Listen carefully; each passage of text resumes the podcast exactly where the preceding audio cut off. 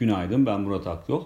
Dün akşam sonuçlanan FED toplantısında Merkez Bankası beklendiği gibi faiz oranlarında herhangi bir değişikliğe gitmedi. Aynı zamanda 120 e, milyar dolar büyüklüğündeki tahvil alım programında da değişiklik yapılmadı ama Merkez Bankası şöyle bir vurgu yaptı.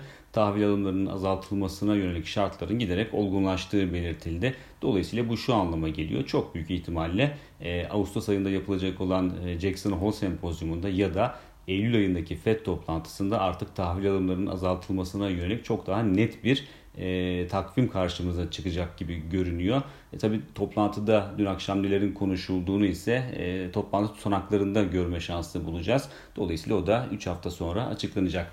E, bugüne dönecek olursak bugün Amerika'da ikinci çeyrek büyüme rakamı açıklanacak. E, ilk çeyrekte hatırlanacak olursa %6.4'lük bir büyüme gerçekleşmişti Amerika'da. E, ikinci çeyrekte ise aşılamaların e, yoğunluk kazanması ve e, ekonominin yeniden açılmasıyla birlikte %8'in üzerinde bir büyüme bekleniyor ki üst banda baktığımızda %9.5'a kadar beklentilerin yükseldiğini görüyoruz. E, beklentilere yakın bir rakam oluşması durumunda özellikle üst banda yakın bir rakam oluşması durumunda e, pandemi döneminde ekonomide yaşanan üretim kaybı geri alınmış olacak. Yani çıktığı açığı ortadan kalkmış olacak. Bu şu açıdan önemli. Çıktığı açının pozitif olduğu dönemlerde ekonominin de e, enflasyon yaratma kabiliyeti biraz daha yüksek oluyor. Dolayısıyla e, çıktığı açı pozitifte kaldığı sürece Fed'in de sıkılaştırma adımları, para politikasında sıkılaştırma adımları atma ihtimali daha fazla olacaktır ki e, tahvil alımlarının azaltılması da aslında bunlardan biri olarak sayılabilir.